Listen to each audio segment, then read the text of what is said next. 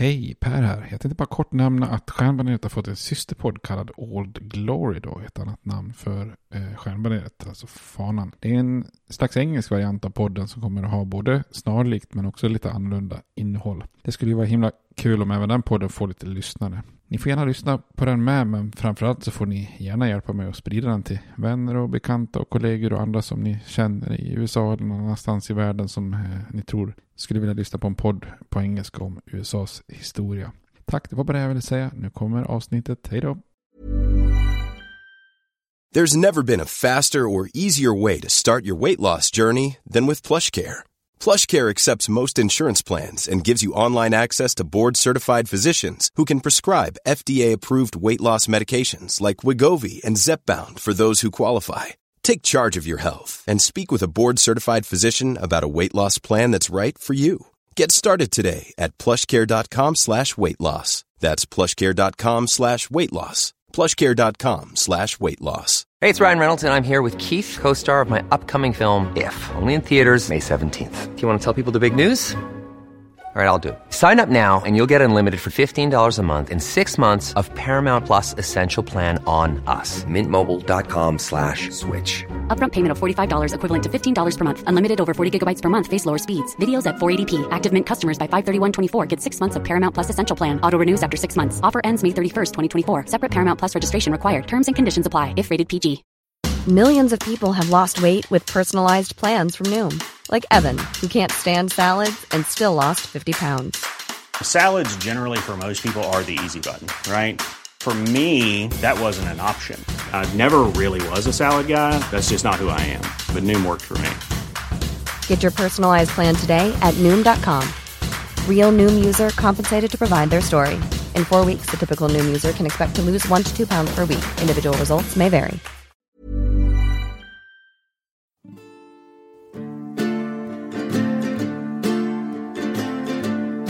We hold these truths to be self-evident, that all men are created equal, that they are endowed by their Creator with certain unalienable rights, that among these are life, liberty, and the pursuit of happiness.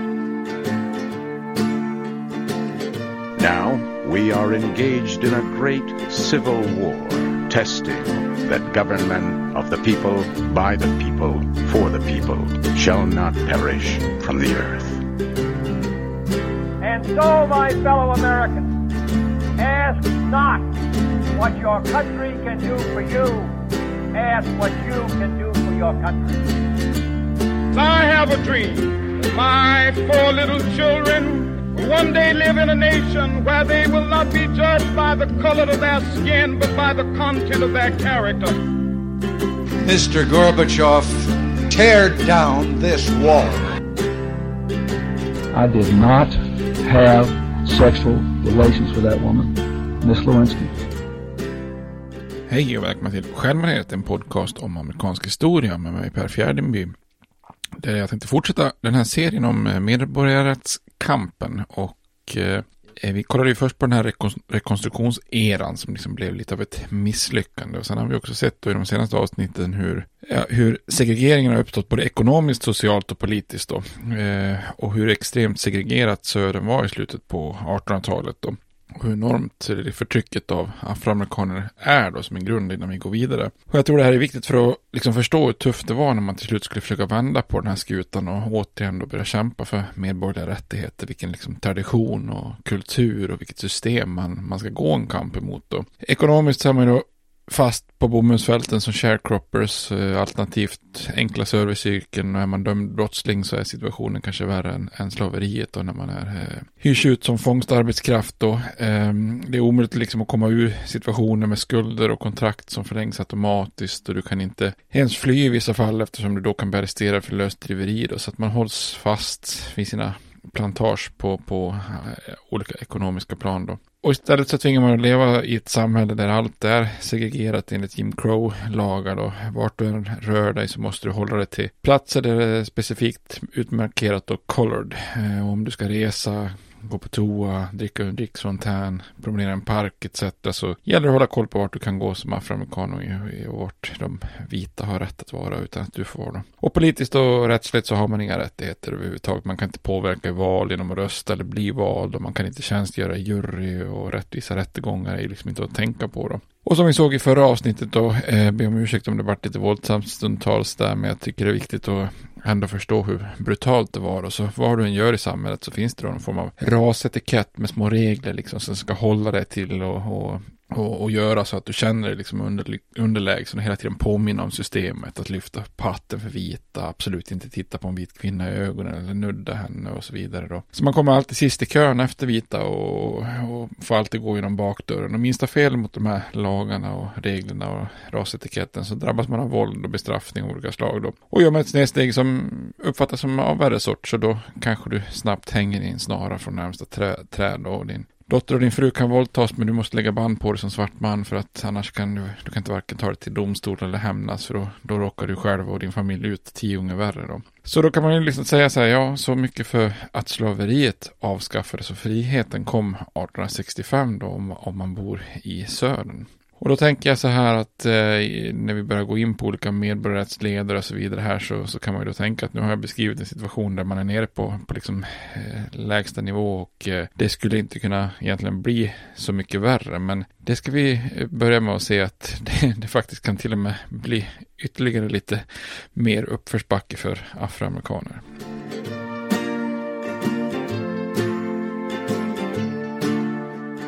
Och det man kan se då här är ju att Södern blir ett ganska speciellt samhälle i slutet av 1800-talet. Eh, och man kan ju jämföra med Söderns utveckling efter den här rekonstruktionseran jämfört med övriga USA då.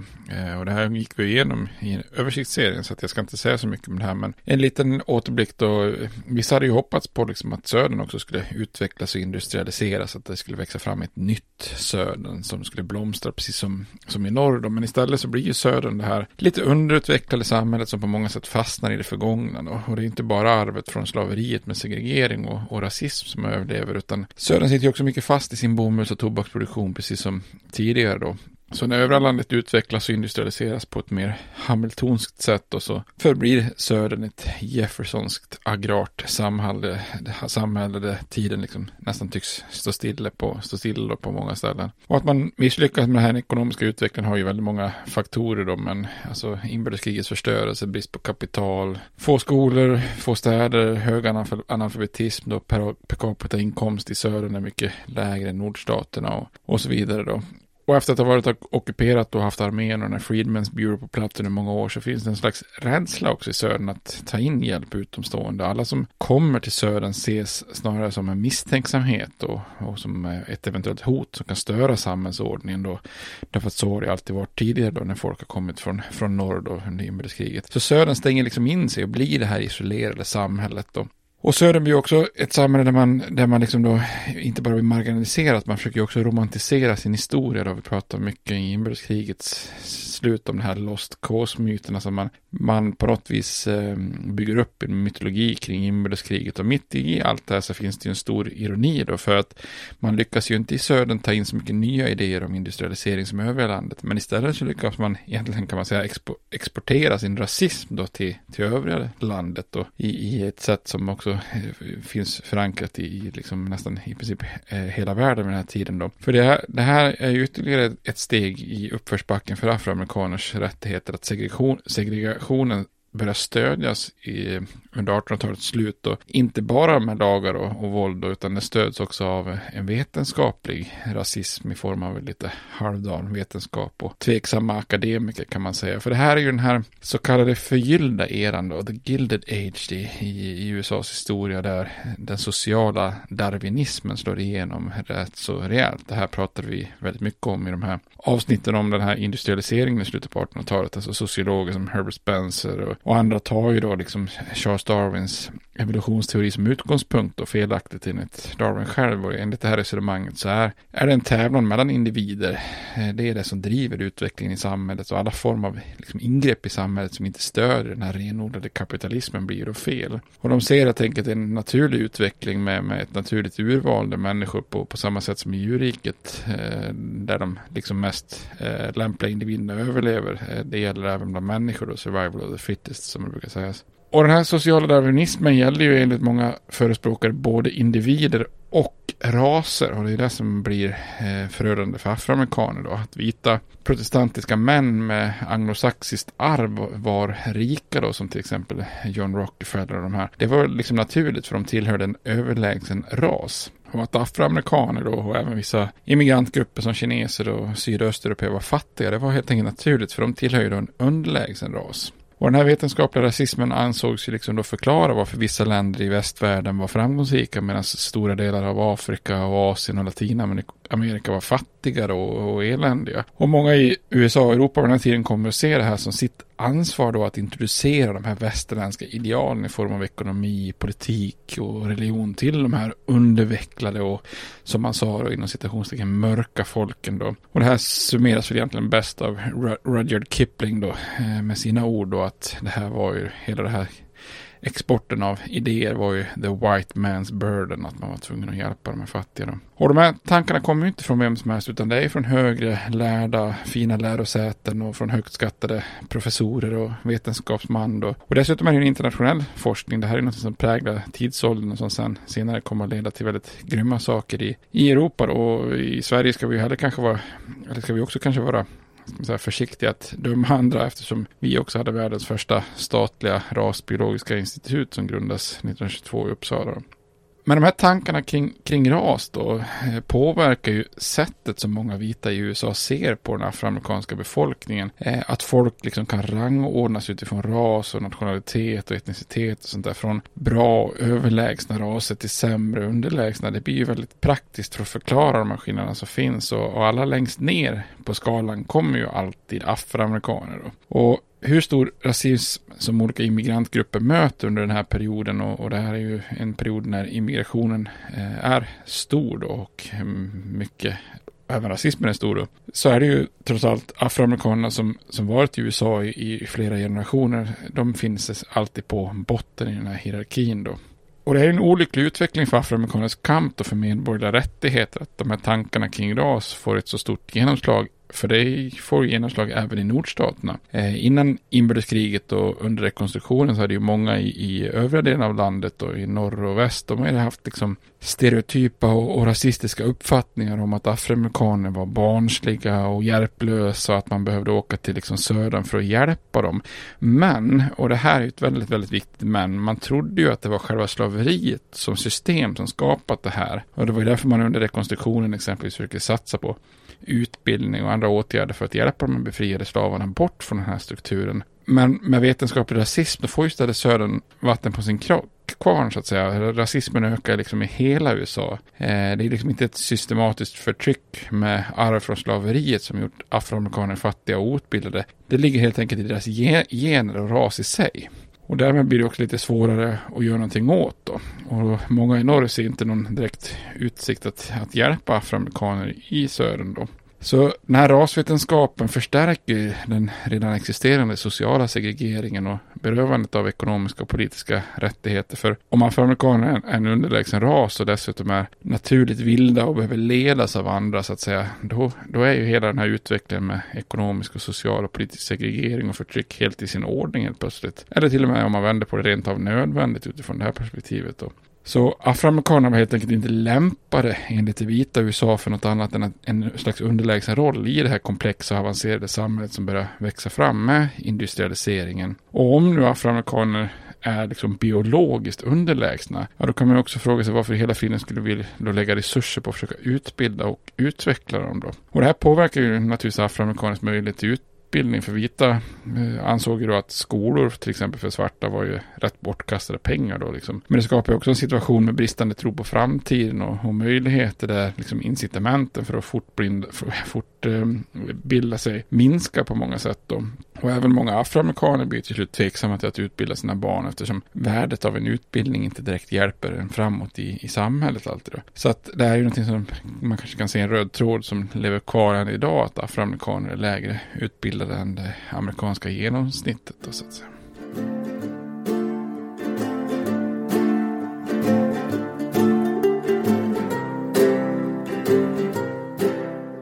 Så för afroamerikanerna så är det lite av en hopplös situation utan, utan någon ljus framtid i slutet av 1800-talet. Vad, vad, liksom, vad ska man göra på, på något vis då? Och då kan man fundera på det, hur, hur resonerar de i den här situationen då?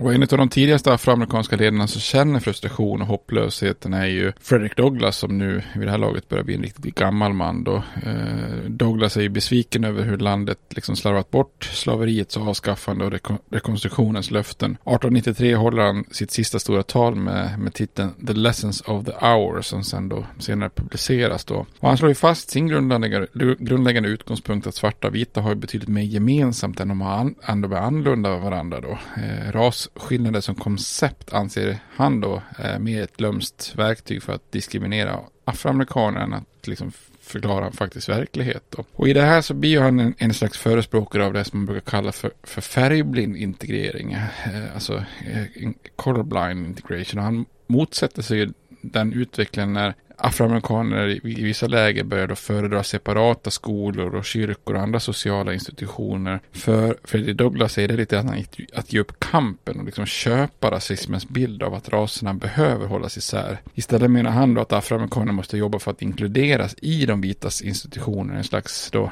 egentligen variant av Obamas tal och som Biden spinner vidare på att det finns inte massa olika Amerika utan det finns bara ett Amerika då.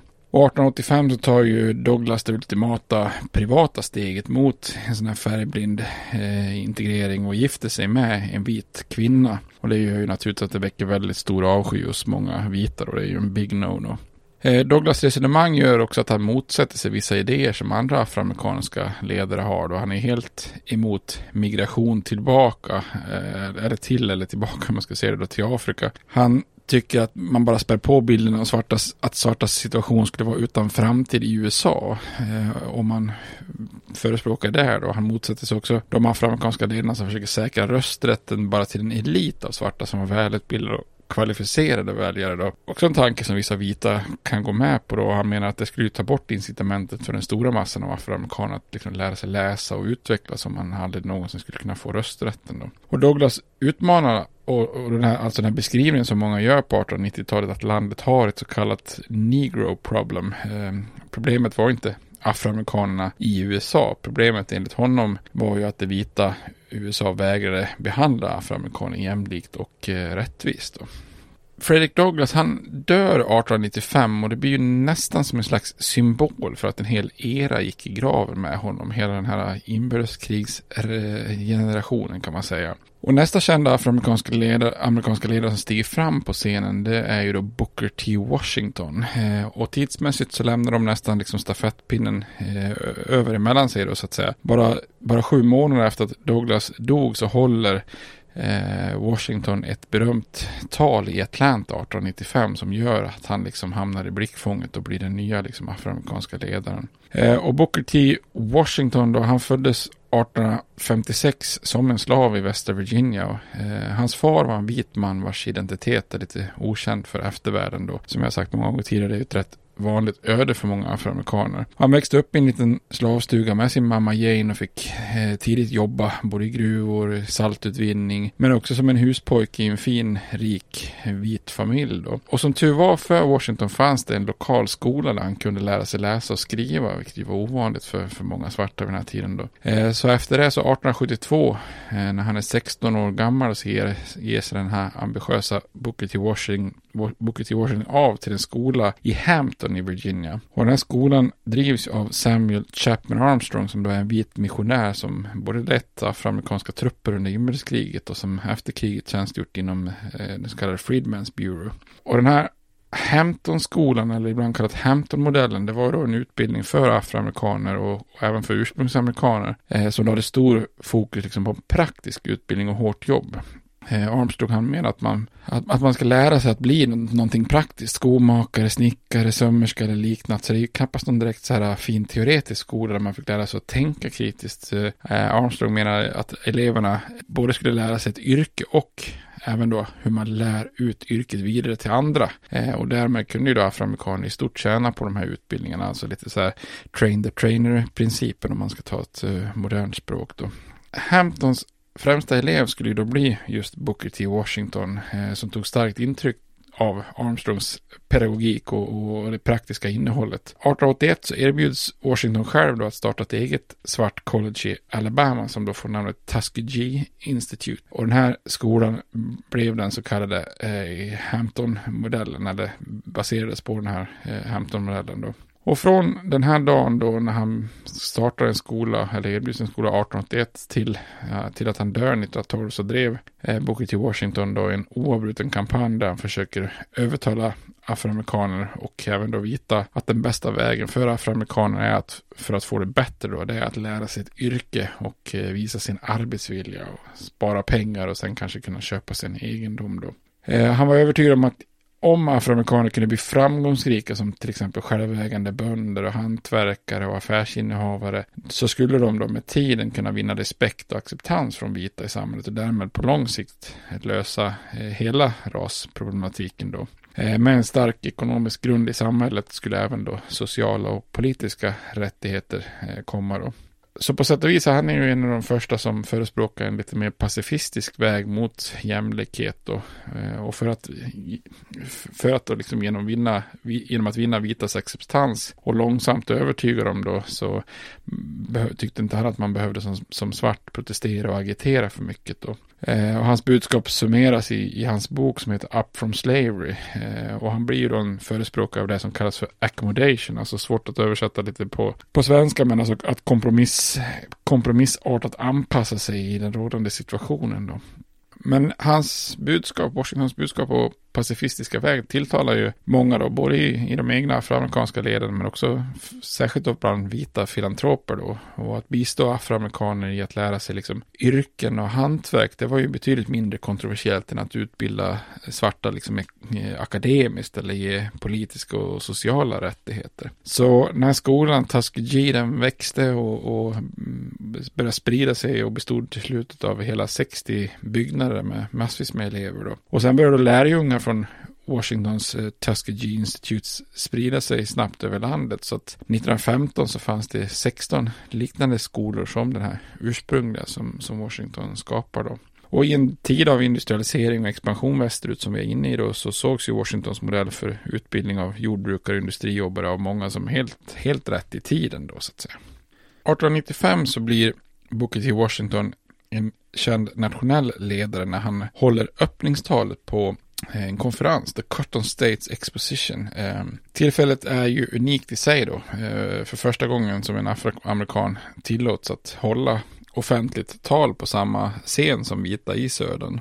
och inför en mestadels vit publik så valde Washington sina ord på tungan och han menar att agitation då för social jämlikhet inte är bra utan han rekommenderar afroamerikaner att acceptera segregeringen och han ger en känd liknelse där han säger då In all things that are purely social we can be as separate as the fingers. Yet one as the hand in all things essential to mutual progress. Så att han menar på på något vis att svarta och vita kan vara sär, sär, skiljas åt precis som fingrarna på, på handen i, i sociala sammanhang. Men att när det gäller gemensam utveckling för landet så behöver man liksom jobba tillsammans då. Och det talet blir ju då känt som Atlanta-kompromissen och hade ju väldigt stor inverkan då på sin, på sin samtid. På sitt sätt så hjälpte ju talet antagligen rasrelationerna när vita såg hur en afroamerikansk ledare, som i deras ögon då lite fredligt, praktiskt och icke-provocerande försökte hitta en lösning framåt då. Så Washington blir då den mest kända afroamerikanska ledaren då med, med visst politiskt inflytande och han kommer sen att ge råd åt flera presidenter, guvernörer och kongressledamöter för, och lyckades också få många afroamerikaner utsedda till olika poster poster då. Och hans den här positiva, positiva tonen mot vita ledare hjälpte också till att få skolor startade i södern som höjer utbildningsnivån och skapar tusentals eh, yrkesutbildade afroamerikaner. Då.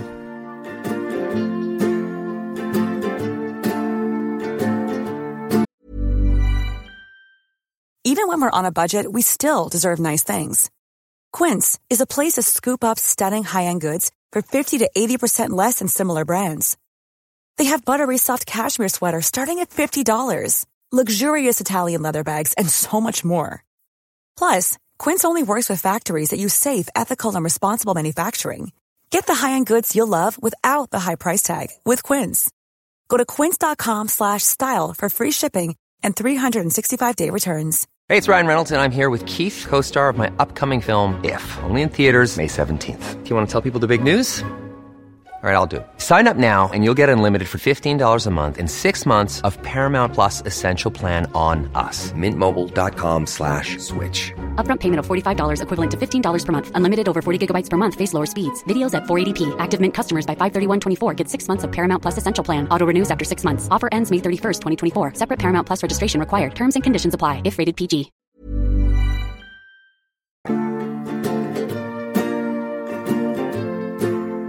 Men Washingtons hållning i, i rasfrågan var ju väldigt mycket annorlunda än till exempel Fredrik Douglass eller Ida B. Wells som vi pratade om, hon som hade en kampanj mot lynchning. Eh, speciellt då hållningen gentemot vita amerikaner, för medan Douglass och, och, Wells menar att de vita skulle liksom övervinna sin rasism så försökte Washington mer försonas med och blidka dem så att de kunde, han kunde få dem att lyssna och hjälpa afroamerikaner. Alltså själva grunden i det som är anpassning, då, eller accommodation. Och i sitt tal i Atlantas uppmanar han både vita och svarta att lämna de här plågsamma konflikterna från rekonstruktionen bakom sig. Då. Eh, den här radikala rekonstruktionen hade varit ett misstag som fått afroamerikaner att sträva efter politiska poster istället för då att skapa någon form av ekonomisk grund och skaffa sig utbildning och välfärd. Då. Så istället så uppmanar han både vita och svarta att etablera vänliga relationer och jobba tillsammans då för gemensam eh, ekonomisk utveckling.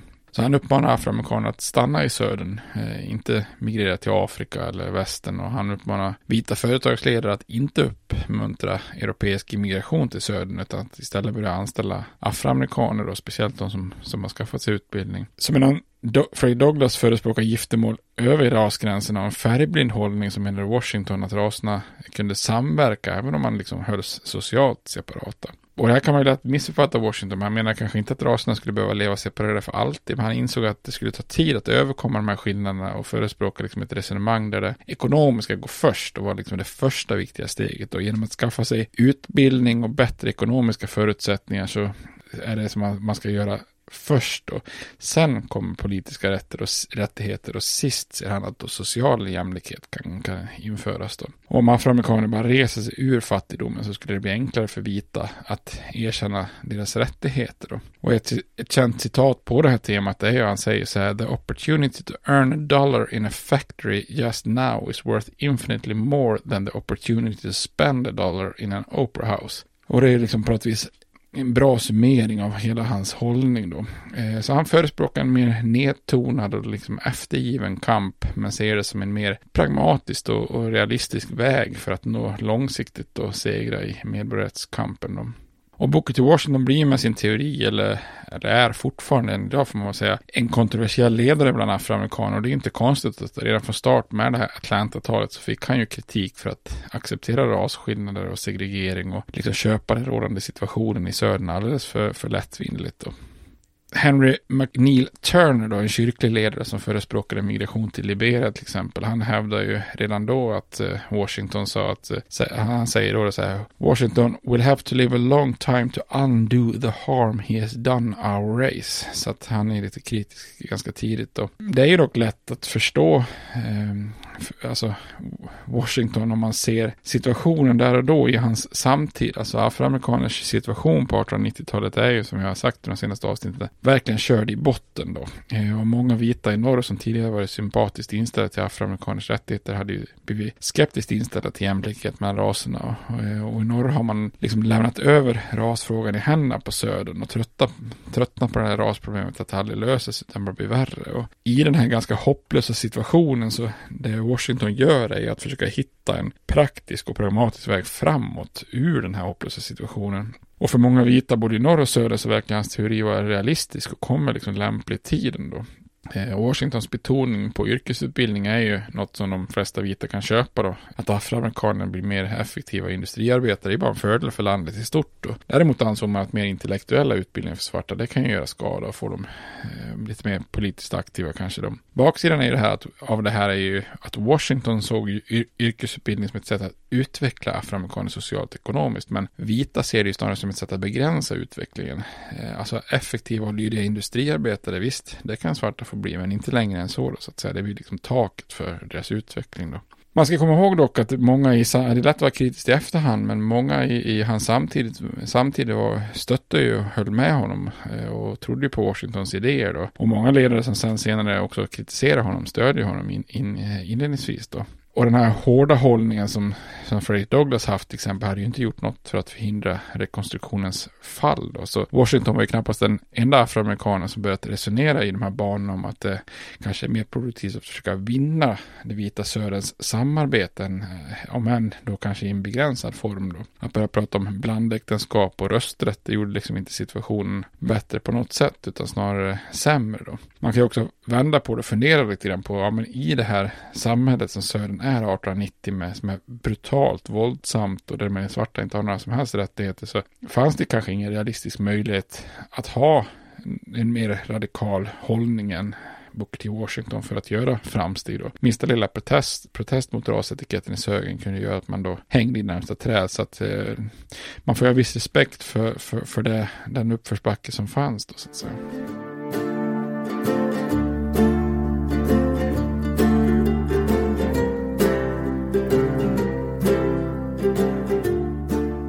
Eh, Booker T. Washington och hans ledarskap dominerar ju i det afroamerikanska samhället i södern runt eh, sekelskiftet och de första åren in på 1900-talet. Man kan tycka att det finns en viss paradox i hans väldigt restriktiva hållning och tro på genomgående reformer när, när man liksom lyfter blicken och tänker på liksom vilken era USA går in i eh, under den här tidsperioden i slutet på 1800-talet och början på, på 1900-talet. För det är då USA går in i den här progressiva eran och det här är ju år eh, som, som vi beskrev i översiktsserien, alltså när man driver igenom enormt, enormt många reformer eh, på, på väldigt många olika områden där liksom svaga och maktlösa situation, alltså fattiga amerikaner, eh, får det bättre på, på många sätt. Eh, och visst fanns det progressiva vita som kritiserade segregeringen och diskrimineringen av afroamerikaner, men medan reformer drevs igenom inom utbildning och demokrati och arbetsrätt och social välfärd för det vita USA så fortsätter ju svarta i södern att diskrimineras och fråntas rösträtten och i värsta fall lynchas då. Och även de här progressiva presidenterna i Vita huset präglades ju av den här rasismen och oviljan i att ta tag i det som då eh, allmänt kallades för the negro problem då. När Theodore Roosevelt blev president 1901 så, så vände han sig till Booker T. Washington först för att få råd i den så kallade Southern Question och, och vilka, vilka eventuella afroamerikaner som, som, som kunde få någon form av lägre federala tjänster. Då. Och orsaken till eh, Roosevelts agerande var ju knappast liksom progressivt liberalt eller gjort för omtanke av afroamerikaner. Bakom ytan så lurar ju en del politiska strategier då. Eh, Ohios senator och den starka republikanska partibossen Mark Hanna eh, var ju hans politiska fiende i partiet och eh, troligtvis en utmanare till att nomineras av partiet i presidentvalet 1904. Och just han, Mark Hanna, hade ju starkt stöd i den så kallade Lily White, alltså liljevita fraktionen av partiet. Det vill säga de republikanerna som helt ville eliminera svartas inflytande i partiet. Och Roosevelt hade därför en ganska stor anledning att, att istället försöka söka stöd hos afroamerikanska republikaner. Kort efter att Theodore Roosevelt blivit president så bjuder han in Booker till Washington för en konferens och middag. Eh, många varnar Washington att Roosevelt är en opolitlig och opportunistisk partner men eh, Washington anser att det är oerhört viktigt att etablera en relation med presidenten för att ge afroamerikaner inflytande. Som en parentes kan man säga, det är ju en intressant aspekt av Washington. Han, han, han liksom uppmanar afroamerikaner att inte fokusera på politik utan ekonomi. Men själv så bryter han egentligen mot den här principen och ägnar sig gärna åt politik om man får chansen då så att säga. Booker T. Washington är inte den första afroamerikan som besöker Vita huset och Roosevelt är inte den första som presidenten som konsulterar afroamerikanska ledare då. Eh, till exempel Abraham Lincoln pratade ju med Frederick Douglass redan under inbördeskriget och så att säga. Men det här tillfället är ändå lite annorlunda för det är inte bara ett besök och lite konsultation, konsultation utan det är mer en officiell historia där, där han bjuds in som ärad gäst. Så att Washington får alltså sitta vid samma bord och äta som presidenten och hans fru och barn och vissa viktiga affärsmän då. Och bland afroamerikaner så är det ju ett stort ögonblick som många liksom applåderar eh, liksom desperat efter all form av erkännande så övertolkar man ju det här besöket rejält kanske skulle det visa sig då. Men i södern så blir det ju ett riktigt ramaskri eftersom det här är ett kraftigt brott mot den rasetikett som, som där är så himla viktig då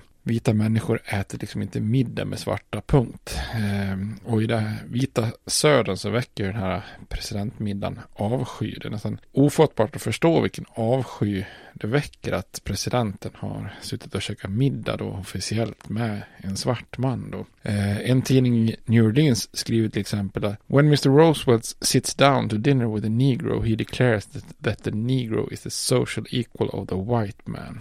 Och en tidning i Memphis menade att a nigger to dine at the White House was the most damnable outrage which has ever been perpetuated by any citizen of the United States. Så det är hårda ord det här. James Wardman, senator från Mississippi, han är så arg han hävdar att Vita huset blivit så nedsmutsat with the odor of the nigger that the rats have taken refuge in the stable. Och eh, senatorn från South Carolina, Benjamin Tillman då, som lite, har lite lustiga smeknamnet Pitchfork Ben, alltså hög, höggaffeln Ben. Eh, han menar att Roosevelts middag med Washington will necess necessitate our killing a thousand niggers in the South before they will learn their place again. Så att eh, han föreslår helt enkelt att man behöver helt enkelt sätta ett hårdhandskar till så att inte svarta får för sig någonting nu när presidenten har käkat middag med, med Washington.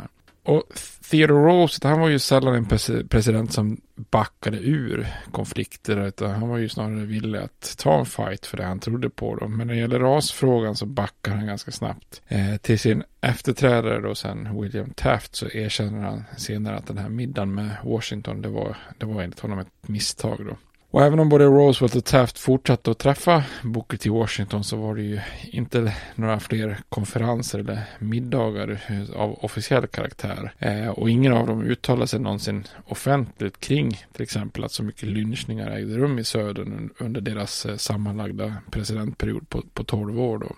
Och efter att han återvalts 1904 då med afram, ganska stort afroamerikanskt stöd ändå så valde Roosevelt att vara öppen med sin rasism och förakt mot svarta då. Han köper den här vetenskapliga rasismen då som ursprung, ursprunget ur socialdarwinism och kommenterar offentligt att han trodde att svarta var underlägsna vita då. Och hans, eh, Roosevelts grundläggande rasism sken ju igenom i rejält i den så kallade Brownsville-incidenten. Eh, det är ju händelser i Brownsville i Texas då som är ett av de värsta exemplen på när afroamerikanska trupper i armén diskrimineras då. Där, där finns en bataljon av afroamerikanska trupper som förflyttas 1906 till Brownsville i Texas då. Det, det är ju ett litet samhälle längs eh, Rio Grande-floden då eh, på just gränsen till Mexiko. Och där i Texas är ju diskrimineringen mot svarta stor då så att de tillåts ju inte besöka några parker eller äta på restauranger eller handla affärer och sådär. Och stämningen är väldigt aggressiv då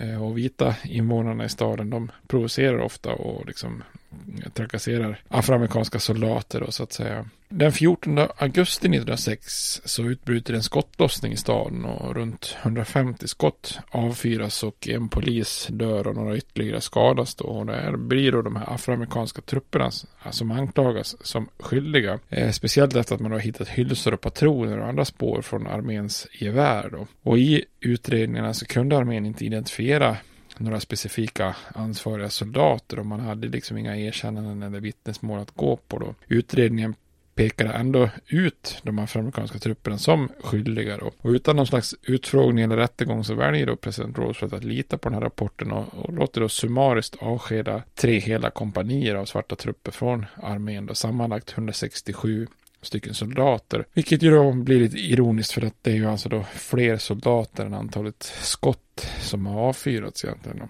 Så alla kan ju inte gärna vara skyldiga då. Flera av de här avskedade var ju dekorerade krigshjältar från spanska amerikanska kriget. Ehm, och nu förbjöds de då helt enkelt från allt statligt arbete, inte bara armén alltså. De får inga som helst pensioner och ersättningar och så vidare. Och cyniskt nog då så såg ju Roosevelt till att det här avskedandet sköts upp en liten tid och hängde rum efter mellanårsvalen för att inte republikanerna skulle tappa svarta väljare i, i norr då. Eh, och afroamerikaner förfäras ju över presidentens agerande och många som hade stött Roosevelt i valet och hade ju stött Roosevelt i valet och liksom det här var man fick tillbaka då. Booker T. Washington skrev ett privat brev till presidenten. There is no law, human or divine, which justifies the punishment of an innocent man. Eh, om man tittar på den andra sidan så var det en tidning i Nashville som hyllar Roosevelt för att han har stått upp mot vad, vad de kallar för nigger loving yankees. Så att eh, eh han, då menar man på att det här är ju presidentens bästa beslut dittills då. En senare utredning skulle ju visa att spåren i form av armépatroner och liknande med största sannolikhet faktiskt planterats ut för att kunna skylla på soldaterna. Och efter att Roosevelt lämnat Vita huset så återfick faktiskt 14 soldater tjänster i armén. Och 1972, ja det är ju ganska långt senare då, så beslutade justitiedepartementet att ge de här avskedade soldaterna upprättelse. Det kom ju dock lite sent då för de flesta. Det finns bara en enda överlevande veteran vid det här tillfället, och Dorsey Willis, som då ändå trots allt fick en liten ersättningssumma och en veteranpension resten av, av sitt liv faktiskt. Sista spiken i kistan för afroamerikaner och deras uteblivna stöd från Teddy Roosevelt kom ju när han i sitt State of the Union-tal menar att svarta måste förstå att det största hotet mot deras ras var svarta kriminella och speciellt svarta kriminella som begick våldtäkt eh, och att den främsta orsaken till lynchningar i södern var just de här brotten då. Eh, och det bästa svarta kunde göra enligt Roosevelt det var ju helt enkelt att hjälpa vita i södern att fånga in de här brottslingarna och då är det ju på något vis att man, man återigen liksom är framme vid någon form av, ja, jag ska inte skratta, det är ju så otroligt sorgligt att, men då är man ju återigen framme vid någon slags lågvattensmärke. Man kan förstå när hopplösheten bland afroamerikanerna är liksom den högsta verkställande personen i landet, presidenten som liksom förväntas stå på, på eh, folkets sida. Eh, han ställer sig helt enkelt officiellt då i sitt State of the Union-tal bakom eh, lynchning då Eh, som ju är en egentligen en illegal och inte rätt, rättssäker process. Då, så att det är ju egentligen helt bisarrt att en president kan ställa sig bakom en lynchningsprocess. Då. Eh, och vid det här laget så fanns det nästan inga, ingen afroamerikansk ledare som inte uppmanade Booker T. Washington att bryta kontakten med presidenten. Då. Och som vi ska se i nästa avsnitt så, så börjar det ju då också komma utmanare till Washington då, afroamerikanska ledare med betydligt mer radikala åsikter. Men det ska vi kolla på i nästa avsnitt. Ska vi prata lite om W.E.B. Du Bois och eh, även då grundandet av NWACP som kommer att bli en viktig organisation för eh, afroamerikaners eh, medborgarrättskamp. Då. Men tills dess så sköt om er där ute och ha det gott. Hej då! States like these and their terrorist allies constitute an axis of evil. And if the hippies and the yippies and the disruptors of the systems that Washington and Lincoln as presidents brought forth in this country will shut up and work within our free system of government, I will lower my voice. If the impeachment provision in the Constitution of the United States will not reach the offenses charged here, then perhaps that 18th century Constitution should be abandoned to a 20th century paper shredder. Therefore, I shall resign the presidency effective at noon tomorrow.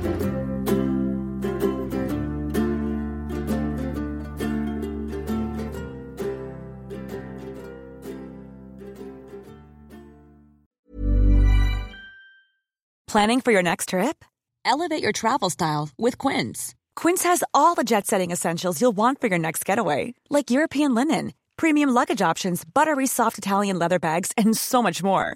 And is all priced at 50 to 80% less than similar brands. Plus, Quince only works with factories that use safe and ethical manufacturing practices. Pack your bags with high-quality essentials you'll be wearing for vacations to come with Quince. Go to quince.com slash pack for free shipping and 365-day returns.